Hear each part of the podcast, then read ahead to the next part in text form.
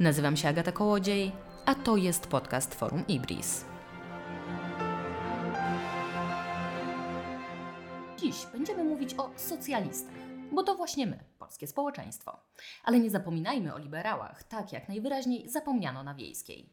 A liberałowie, choć dziś w mniejszości, to nadal prawie jedna trzecia społeczeństwa. No właśnie, prawie wszyscy na długo o nich zapomnieli, aż w końcu na białym koniu zjawiła się Konfederacja, żeby wyciągnąć rękę do tych niemal 30% Polaków.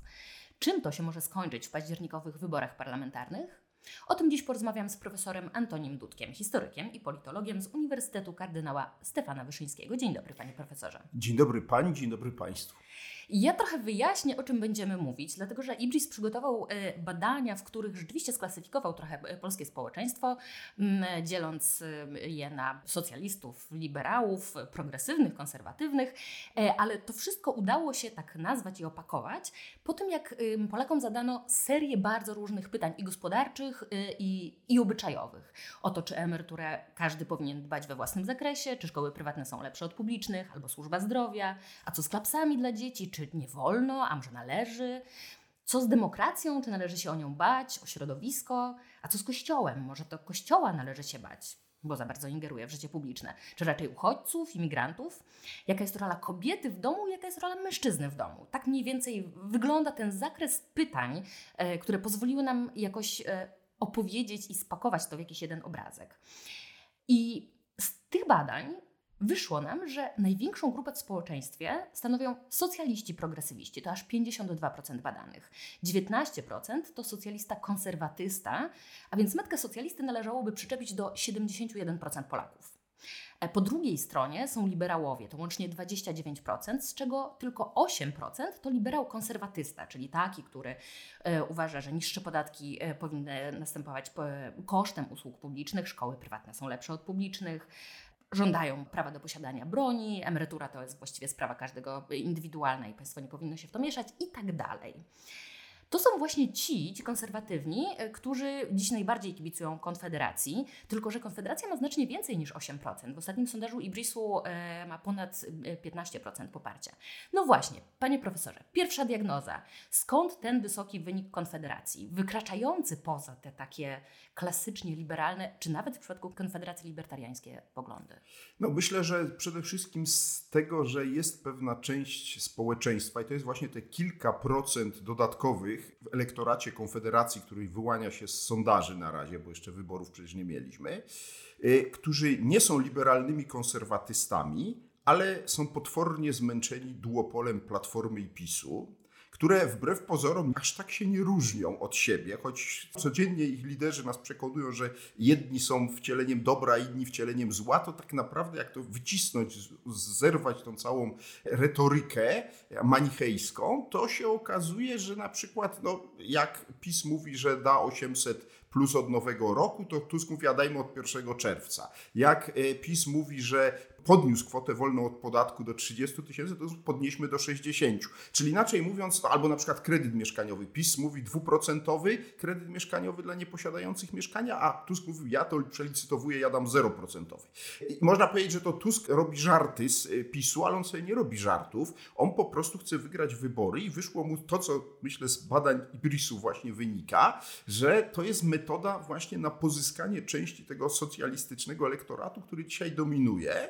E, I w związku z tym, no i teraz wracam do tych, którym się to wszystko nie podoba. Ta licytacja na populizm, bo to w istocie rzeczy, co dzisiaj robi Tusk Kaczyńskim, jest niczym innym jak klasyczną, akademicką, podręcznikową licytacją na populizm. No i jest pewna grupa wyborców, która się tego boi, bo rozumie, że nie można w nieskończoność tylko wydawać, że jeszcze czasem trzeba zarabiać na te wydatki.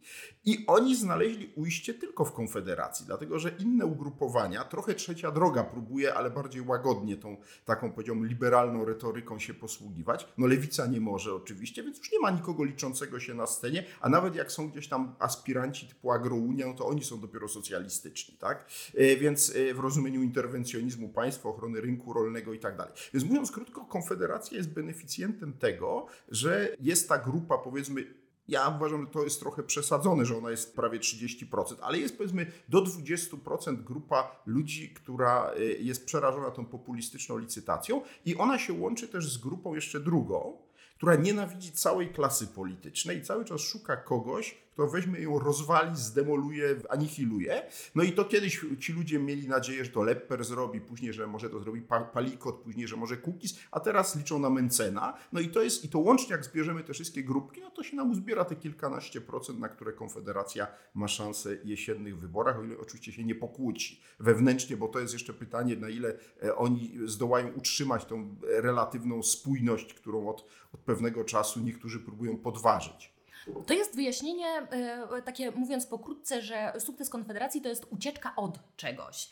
E, a ja chciałabym jeszcze spojrzeć w takim razie z drugiej strony, czy to nie jest przyciąganie do czegoś, bo mnie bardzo zainteresowało kilka dni temu poseł Katarzyna Lubnauer w TOK FM Karoliny Lewickiej mówiła, że ona się właściwie bardzo cieszy, że Konfederacja ma w tej chwili tak wysokie wyniki sondażowe, bo to sprawia, że wszyscy o niej mówią, a jak wszyscy o niej mówią, to ludzie zaczną jej się bardziej przyglądać i bardziej przyglądać się programowi i wtedy zobaczą na własne oczy, co ta Konfederacja tak naprawdę proponuje, że proponuje de facto docelowo wyjście z Unii Europejskiej, że nie jest taka liberalna, że kwestia małżeństw, aborcji itd., tak itd. Tak I mamy jeszcze tyle czasu do wyborów, trzy miesiące, że to jest świetny czas, że ten pik, który dzisiaj notujemy, zacznie spadać, że to, to jest już szczyt. I właśnie dlatego, że ludzie zaczną się przyglądać programowi. No i ja przyglądam się tym badaniom Ibrisu, które mówią, precyzują, kim jest tak naprawdę liberał progresywista, czyli to takie bardziej miękkie, to, to nie jest twardy elektorat tak. Konfederacji. I okazuje się, że to nie są ludzie, którym e, zależy na kwestii posiadania broni, na roli kobiety i mężczyzny w społeczeństwie, to co mogłoby teoretycznie wystraszyć od, od Konfederacji, prawda? te wartości i te lęki, które są ważne dla tej grupy, to są właściwie bardzo krótko kilka kwestii. Państwo utrudnia prowadzenie biznesu i to źle. E, Im mniej państwo ingeruje w życie obywateli, tym lepiej. Dobrze ograniczyć udział duchownych w życiu publicznym i nawet legalna eutanazja znalazła się wokół tych wartości. I właściwie to koniec. Więc zastanawiam się, czy rzeczywiście jest taka szansa i takie ryzyko, że ci, którzy dzisiaj mówią, że właściwie chętnie zagłosują na Konfederację, jak naprawdę poznają dobrze jej program, to czy rzeczywiście się ockną, czy niekoniecznie, bo to nie dlatego ta konfederacja ich przyciąga. Znaczy nie kryję, że pani punkt widzenia jest mi nieco bliższy niż posłanki Lubnauer, no, która jest zawodową polityczką i musi mówić to, co mówi, bo ona wierzy głęboko, że te kilka procent, które odejdzie do konfederacji, to trafi do koalicji obywatelskiej i im historyczną szansę pokonania PiSu. Ja śmiem w to wątpić e, i to z wielu powodów. Natomiast to, co pani powiedziała, też pokazuje, dlaczego Sławomir Mencen przestał być taki konserwatywny i taki radykalny radykalny wycofuje się rakiem ze swoich dawnych wypowiedzi o homoseksualistach, y, o prawie małżeńskim, bo on się zorientował, że tych liberalnych konserwatystów jest najmniej.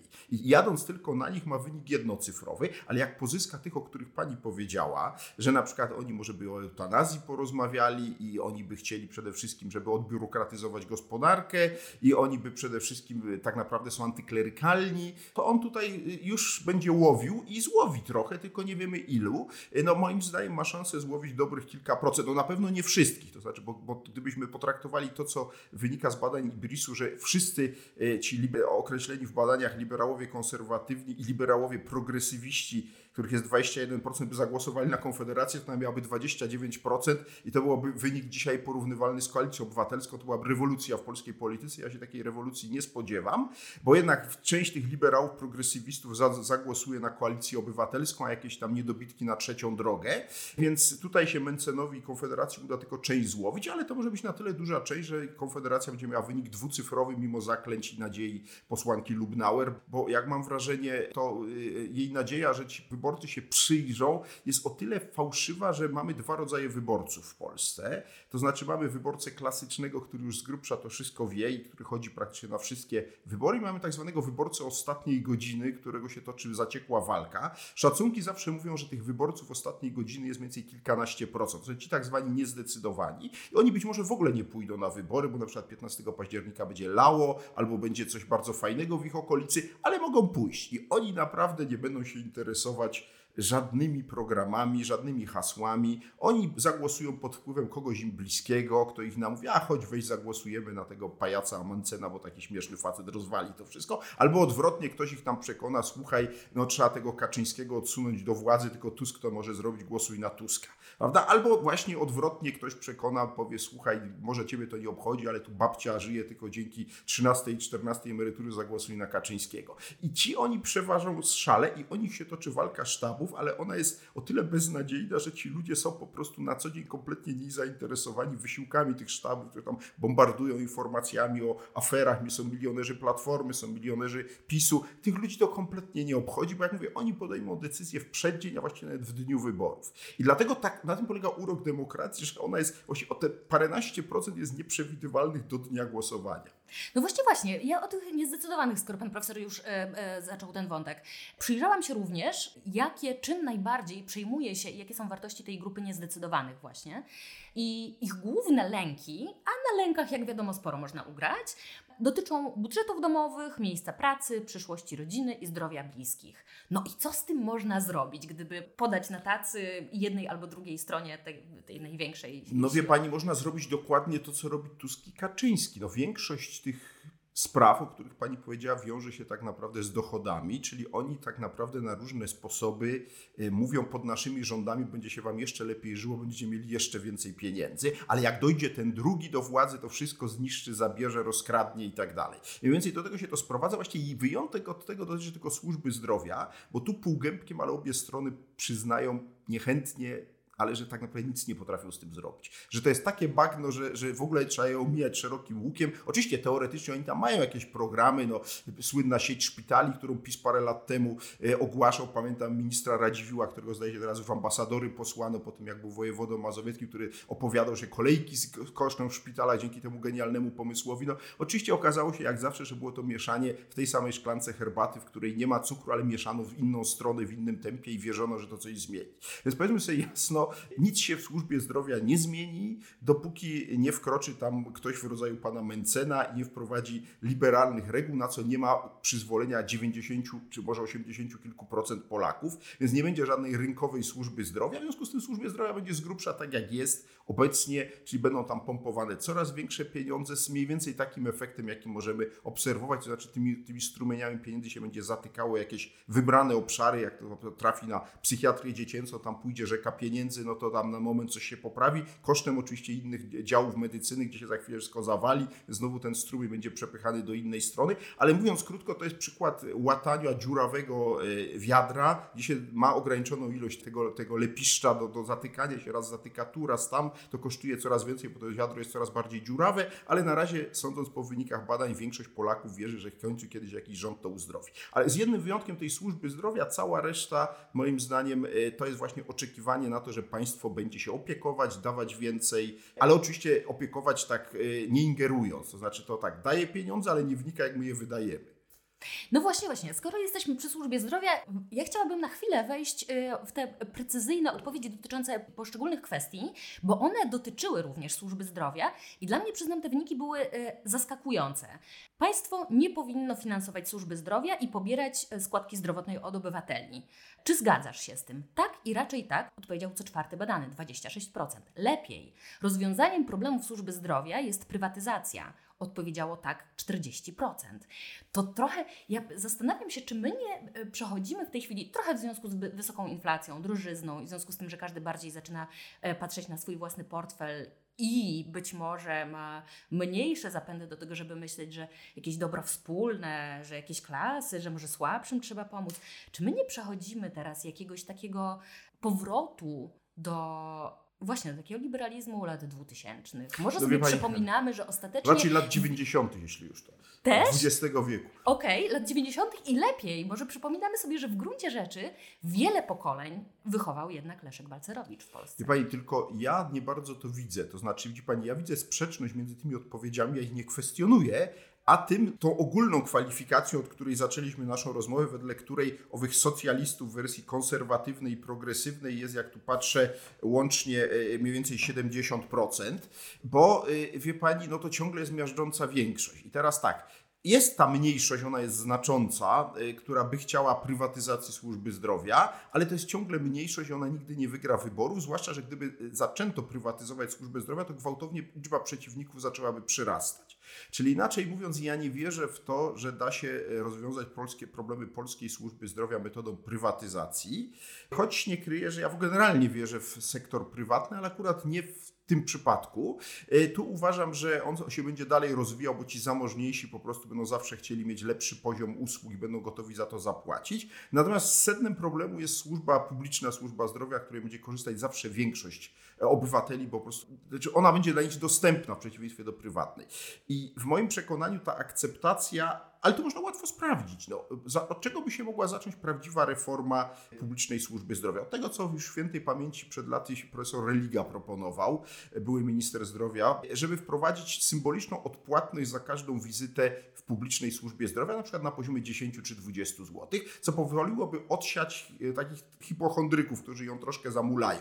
Zobaczylibyśmy, jaka byłaby reakcja społeczna na to. A na razie żaden rząd się nie ośmielił tego zrobić. Dlaczego? Bo PiS i Platforma się nawzajem szantażują i każdy jedna ze stron, która by to zrobiła, jest od razu masakrowana przez drugą. Widzicie, łamią konstytucję, ona mówi, że ma być bezpłatnie, wyciskają was teraz, mówią o 10 zł, a za chwilę zarągają 1000 zł i tak dalej. Więc na wszelki wypadek żadna strona tego nie robi.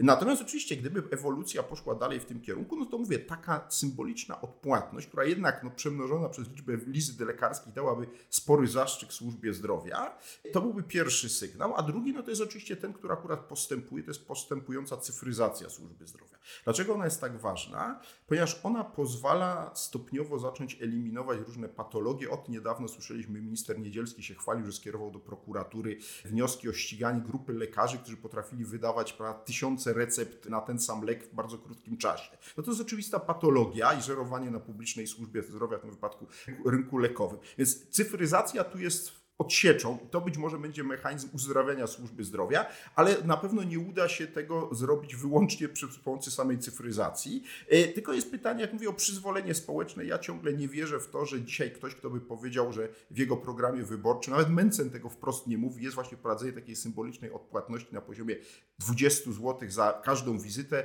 żeby mu to do, dostarczyło głosów. Przeciwnie, podejrzewam, żeby na tym stracił część wyborców. No właśnie, bo to musi być e, ta liberalna opowieść. E, ona również musi być o dawaniu, a nie o zabieraniu. Te, te badania Ibrisu, one w różnych punktach, ja dwa pytania zacytowałam, oba dotyczyły służby zdrowia, odsetki były y, różne, prawda? Mam jeszcze trzecie. Podatki powinny być niższe, nawet gdyby konsekwencją tego miały być opłaty za korzystanie z opieki zdrowotnej, ale również za studia wyższe czy korzystanie z dróg. I tak albo raczej tak, odpowiada aż 44% y, osób. Bo, bo tam w tym pytaniu zaszyte było jednak danie czegoś, y, czyli tych niższych podatków. Ja zastanawiam się, czy Donald Tusk po tym, jak licytował się na 800, y, żeby było wcześniej wprowadzone z pisem, właśnie po tym kredycie 0%, teraz podbił stawkę opowiadając o podwójnej kwocie mm, wolnej od podatku, czyli na poziomie 60 tysięcy złotych. Czy on w ten sposób wcześniej w ostatnich miesiącach, czy nawet dwóch latach, zaczął sobie przypinać łatkę socjalisty, mimo że, jak wiemy... Socjaldemokratów. Kiedyś od przed lat już u schyłku swoich rządów e, przed 2015 rokiem udzielił takiego wywiadu chyba w 2012, kiedy go tam w polityce zapytano, tygodniku Polityka, czy dalej się uważa za liberała i powiedział, że dzisiaj by się określił jako socjaldemokrata. Prawda? Jakimś tam przymiotnikiem to opatrzył. A nie było tak, że ma jakieś serce jednak trochę liberalne, albo odwrotnie, że jest Coś tam było, coś próbował, nie, nie no chciał się jeszcze odciąć zupełnie od swojej przeszłości, ale powiedzmy sobie jasno, y, jednak tam słowo socjaldemokrata padło i od tego liberalizmu uciekał. To zresztą potwierdzały rządy Platformy. Inna rzecz, czy one były socjaldemokratyczne. No nie, one były nijakie z wielu powodów. Y, zresztą to jest do dyskusji, musielibyśmy dzisiejszą socjaldemokrację zdefiniować. Ja w ogóle mam problem, wie Pani, nawet z tym my się tu posługujemy tymi pojęciami liberał, konserwatysta, progresywista, socjalista, a ja mówiąc szczerze uważam, że to są wszystko pojęcia z XX wieku, które dzisiaj już niewiele znaczą. My się nimi posługujemy, bo nie potrafimy innych wymyśleć, ale podam Pani przykład. No, weźmy, to trochę wychodziło z tych badań. Weźmy kogoś takiego, kto z jednej strony jest zapiekłym antyklerykałem, ale z drugiej strony na przykład uważa, że y, małżeństwo to powinien być związek kobiety i mężczyzny i generalnie nie lubi całej tej, boi się ideologii LGBT na przykład prawda? No i co z nim zrobimy? No, tu jest z jednej strony antyklerykał, a z drugiej strony LGBT nie lubi, tak? Albo weźmy inny przykład. No, ktoś na przykład uważa, że podatki powinny być, to już jest kompletnie niespójne, jak najniższe, ale zarazem uważa, że powinna być bezpłatna szkolnictwo, opieka zdrowotna i tak dalej. I tu już powiemy, no ale jak to sfinansować? A on mówi, to nie mój problem. Więc wie pani, mamy masę ludzi, którzy mają kompletnie niespójne poglądy, gdzie się lewa noga z prawą nie styka, no ale co na to poradzimy? Tak już jest i oni mają prawo głosu, głosują i głosują w związku z tym często irracjonalnie. Wie pani, ja przed laty zrozumiałem, ja byłem wychowany jako politolog właśnie w myśleniu o doktrynach politycznych i próbowałem y, zracjonalizować zachowania wyborcze w latach 90., kiedy się tym zacząłem już na, na większą skalę zajmować i zrozumiałem, że większość ludzi nie rozumie o polityce tak jak ja, tylko głosuje właśnie z powodów czysto irracjonalnych, bo ten mi się nie podoba, bo tamten jest brzydki wyraz twarzy, a tamten to jest jakiś wariat. I, i wariat, no, ale dlaczego uważasz, że to jest wariat? No bo wrzeszczy, tak? I, I, nie będę na niego głosował, zagłosuję na tego, kto jest jego głównym przeciwnikiem. No. Więc wie pani, ludzie się naprawdę zachowują irracjonalnie, a my próbujemy w tych wszystkich badaniach to sprowadzić na y, jakoś zaklasyfikować, zaszlufladkować. No problem polega na tym, że się w ograniczonym stopniu udaje. Niemniej jednak, jeśli to, co pani od pewnego czasu naszej rozmowy te dane podaje, to rzeczywiście istnieje, to jest dobra wiadomość dla generalnie Konfederacji pana Mencena i dla trzeciej drogi w powiedzmy w mniejszym zakresie, a mianowicie to by dowodziło, że jeszcze parę lat i to wahadło znowu takie, które się wychylało od strony liberalnej do antyliberalnej w sensie gospodarczym przez długie lata, zwłaszcza pod rządami PiSu, znowu zacznie się wychylać w drugą stronę. I nie kryję, że mnie by to nie martwiło, ponieważ ja też mam poglądy liberalne gospodarczo, czego nie ukrywam, słuchacze tu już pewnie zauważyli. I ja się boję, mówiąc krótko, skutków dalekosiężnych tego ogromnego przez PiS, zwłaszcza rozbudzenia oczekiwań społecznych. A czy mówiąc krótko, uważam, że ten dżin, którego PiS wypuścił z butelki, razie się unosi nad y, życiem politycznym i dopóki Polska nie popadnie w ogromne tarapaty finansowe, to tego dżina moim zdaniem nikt do tej butelki nie e, zagoni i nie chce mi się wierzyć, że metodą taką czysto perswazyjną, bez poważnego kryzysu, nagle ludzie zmienią zdanie. No bo skoro to państwo stale znajduje pieniądze na kolejne rzeczy, a główny lider głównej partii opozycyjnej mówi, a ja znajdę jeszcze więcej, no to, bo, bo, bo, na przykład pogonie złodziei pisowskich ze spółek Skarbu Państwa, co oczywiście jest kpiną, bo w tych spółkach Skarbu Państwa no, te wszystkie apanarze tych pisowskich nomenklaturszczyków to jest ułamek jednej dodatkowej emerytury, która wynosi tam 11 czy 12 miliardów. No to jak się zestawi taką kwotę z tymi apanarzami tych, tych, tych wszystkich pisowskich milionerów, no to to jest, są grosze, więc pogonienie ich tamtąd da oszczędności na poziomie setek milionów, a nie na poziomie miliardów, tak? Więc mówiąc krótko, podsumowując, ja uważam, że że to, o czym Pani mówi, napawa pewnym optymizmem, te badania, że ludzie zaczynają mm, rozumować bardziej racjonalnie, ale moim zdaniem to jest ciągle mniejszość, dopóki się nie zderzymy ze ścianą, a to będzie bolesne, to refleksja do większości nie dotrze. Ostatnie takie zderzenie ze ścianą było u schyłku PRL-u, kiedy państwo totalnie splajtowało. I wtedy się pojawił wspomniany Balcerowicz, który jest dzisiaj nienawidzony przez znaczną większość społeczeństwa, jako ten rzekomo, który wszystkim zabrał prawda, pracę, zabrał dobre życie, tylko oni jakby nie pamiętają, jakim cudem ten Balcerowicz mógł dojść, dojść do władzy, w jakich okolicznościach, w jakim Polska była wtedy stanie. Dlaczego? No bo wie pani, no bo tak już jest, że ludzie, jak mają określone nastawienie, to pewne informacje usuwają ze swojej świadomości, bo one im dysonans poznawczy powodują, a inne preferują. I tu Balcerowicz jest w roli niszczyciela polskiej gospodarki obsadzany, co jest oczywiście absurdem, ale wielu ludzi w to wierzy i nic na to nie poradzimy.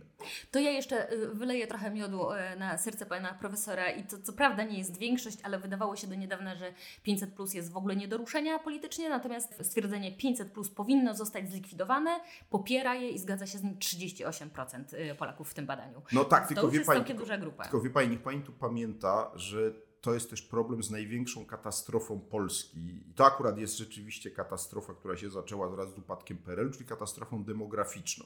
Otóż mianowicie mamy gigantyczną ilość już nie tylko ludzi, którzy dawno dzieci odchowali, ich 500 plus nie obchodzi, a oni by chcieli dostać wyższą emeryturę, ale mamy też potężną grupę ludzi, którzy mogliby mieć dzieci, ale z różnych powodów ich nie mają. I oni uważają, dlaczego ma być finansowane z naszych pieniędzy. Ja bym chciał mieć nową autostradę zamiast tego, albo, albo coś innego, albo właśnie lepszy szpital, a tu się finansuje tych ty, ty dzieciorobów, tak? I mnie się to nie podoba. A ponieważ tych, którzy mają dzieci jest ubywa, no to, no to siłą rzeczy mnie nie dziwi, że jest tak duży odsetek przeciwników 500+, natomiast chcę powiedzieć jasno, to już w tej chwili nie ma znaczenia, dlatego że ja byłem jednym z ludzi, którzy 20 lat temu, nawet więcej, zaczęli bić na rozprawach demograficznych, czytając analizy demografu i wtedy wrzeszczałem, no miałem mniejsze zasięgi medialne wtedy, e, ale na różnych spotkaniach do polityków róbcie coś, bo Polska się nam posypie. No a w tej chwili już jest pozamiatane, to znaczy dzisiaj powinniśmy już nie dyskutować o tym, e, oczywiście ja dalej popieram politykę pronatalistyczną. Pytanie, jak to zrobić, ale to już nas nie uratuje. Nas uratuje import ludzi. I teraz się powinna w Polsce odbywać przy okazji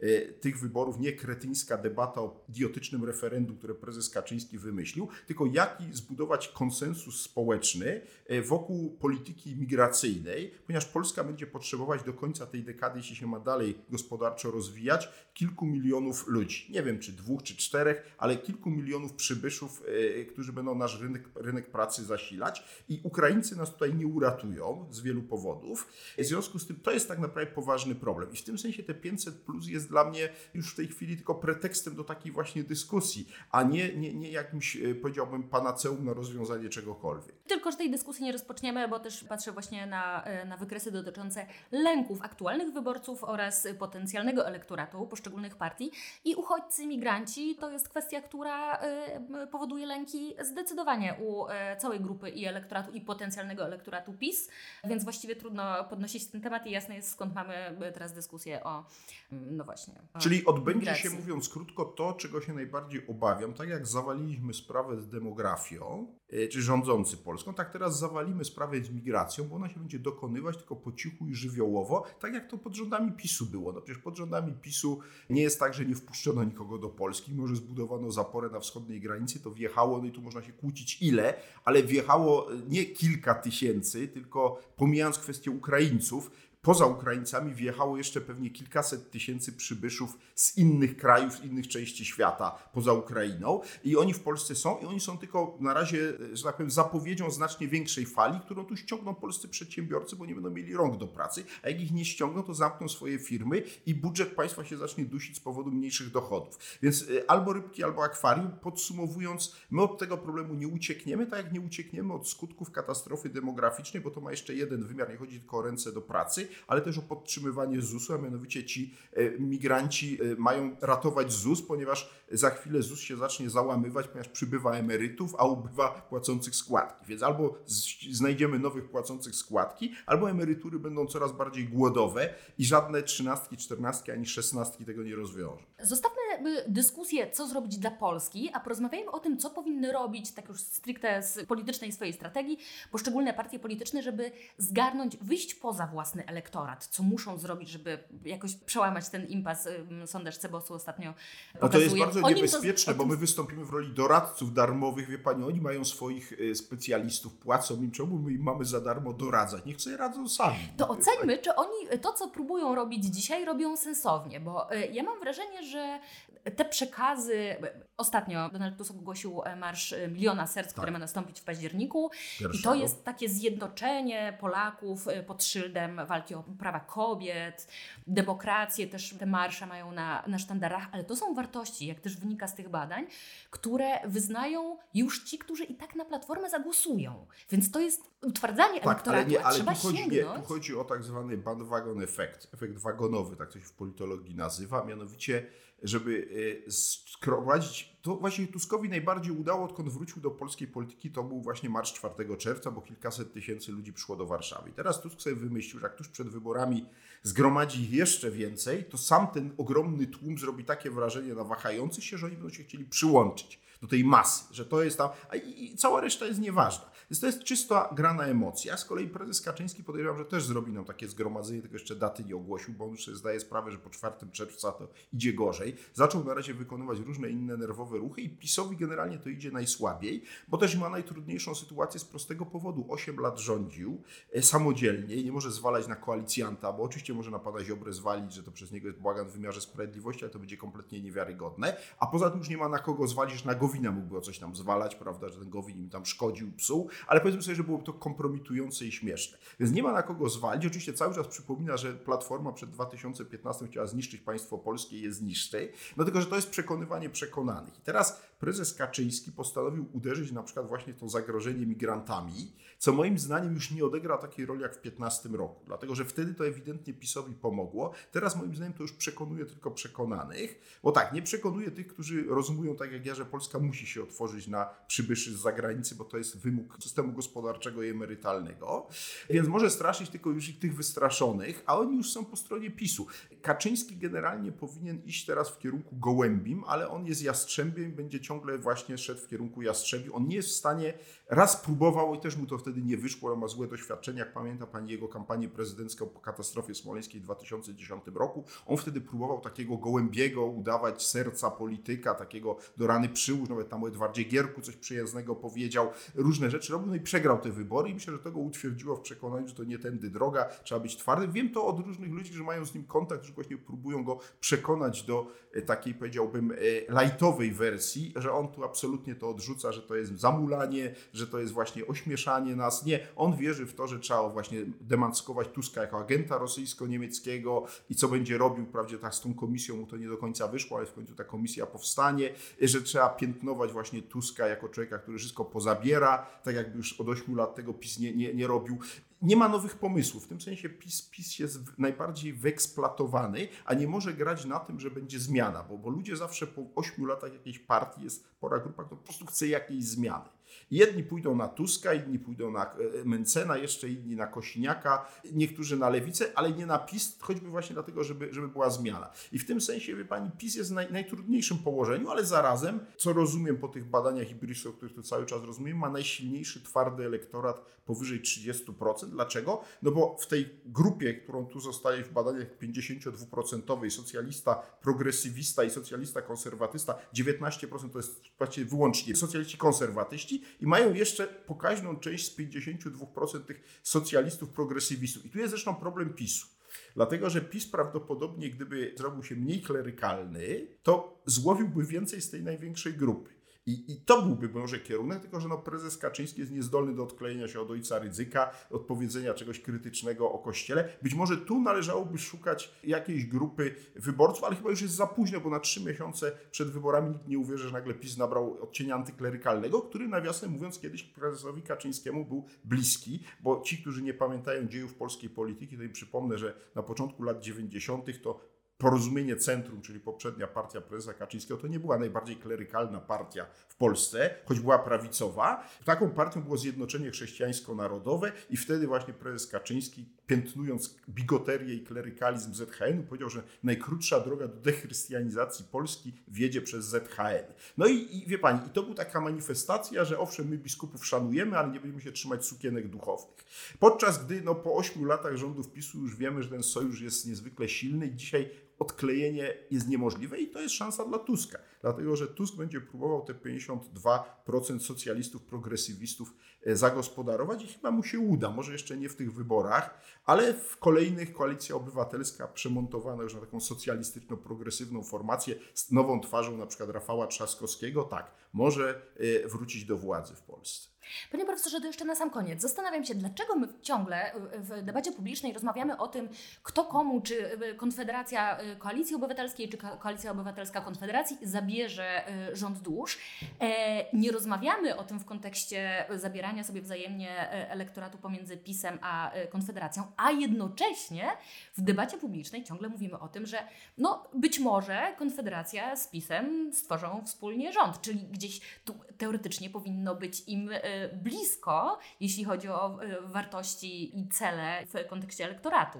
Czy Pańskim zdaniem taka koalicja po prostu nie jest możliwa? No więc właśnie, wie Pani, to zależy. Nie, na poziomie personalnym wszystko jest w polskiej polityce możliwe. Nawet wyobrażam sobie, że w jakiejś ekstremalnej sytuacji pan Zandberg z panem Braunem mogliby siedzieć w jednym rządzie, Och, ale, to byłaby, ale to byłaby powiedzmy sytuacja, w której Putin by stał pod Warszawą, tak? I nagle pan Braun by jednak zmienił swój pogląd i że trzeba bronić Warszawy.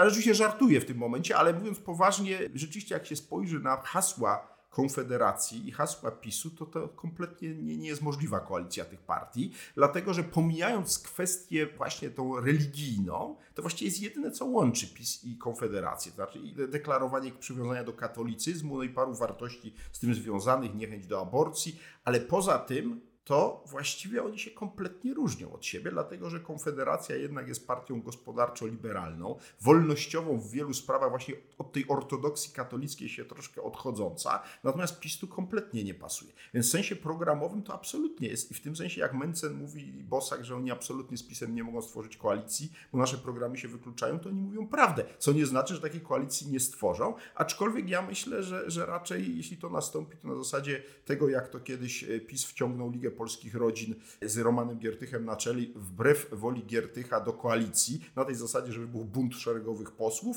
i być może to się uda Kaczyńskiemu powtórzyć, to znaczy Bosak z Mencenem nie będą chcieli wejść do koalicji, ale będą musieli, bo jak mi się połowa klubu zbuntuje i powie, a to my w takim razie wychodzimy, idziemy do PiSu, bo chcemy być w tych radach nadzorczych, chcemy być w tych ministerstwach i tak dalej, no to będą musieli z obrzydzeniem, ale wejść do tej, do tej koalicji. Tak jak to mówię, kiedyś przed laty zrobił Roman Giertych, nie, nie chcąc zostawać po prostu z resztką Ligi polskich rodzin w opozycji do PiSu. I, I, to jest taki scenariusz, jest możliwy, natomiast generalnie w sensie programowym, no wie pani, ja bardzo jestem ciekaw zderzenia Sławomira Mencena z Ministerstwem Finansów, bo on wielokrotnie e, deklarował, że chciałby zostać szefem resortu finansów. Myślę, że to było bardzo interesujące było. E, natomiast no, e, ja stawiam jednak w tym pojedynku na Ministerstwo Finansów, że ono wygra ze Mencenem, a nie Mencen z Ministerstwem Finansów w rozumieniu aparatu urzędniczego i to, co tam, tego, co tam jest. I tutaj postawmy kropkę. Bardzo Panu dziękuję, dziękuję. za rozmowę. Moim gościem był Pan Profesor Antoni Dudek.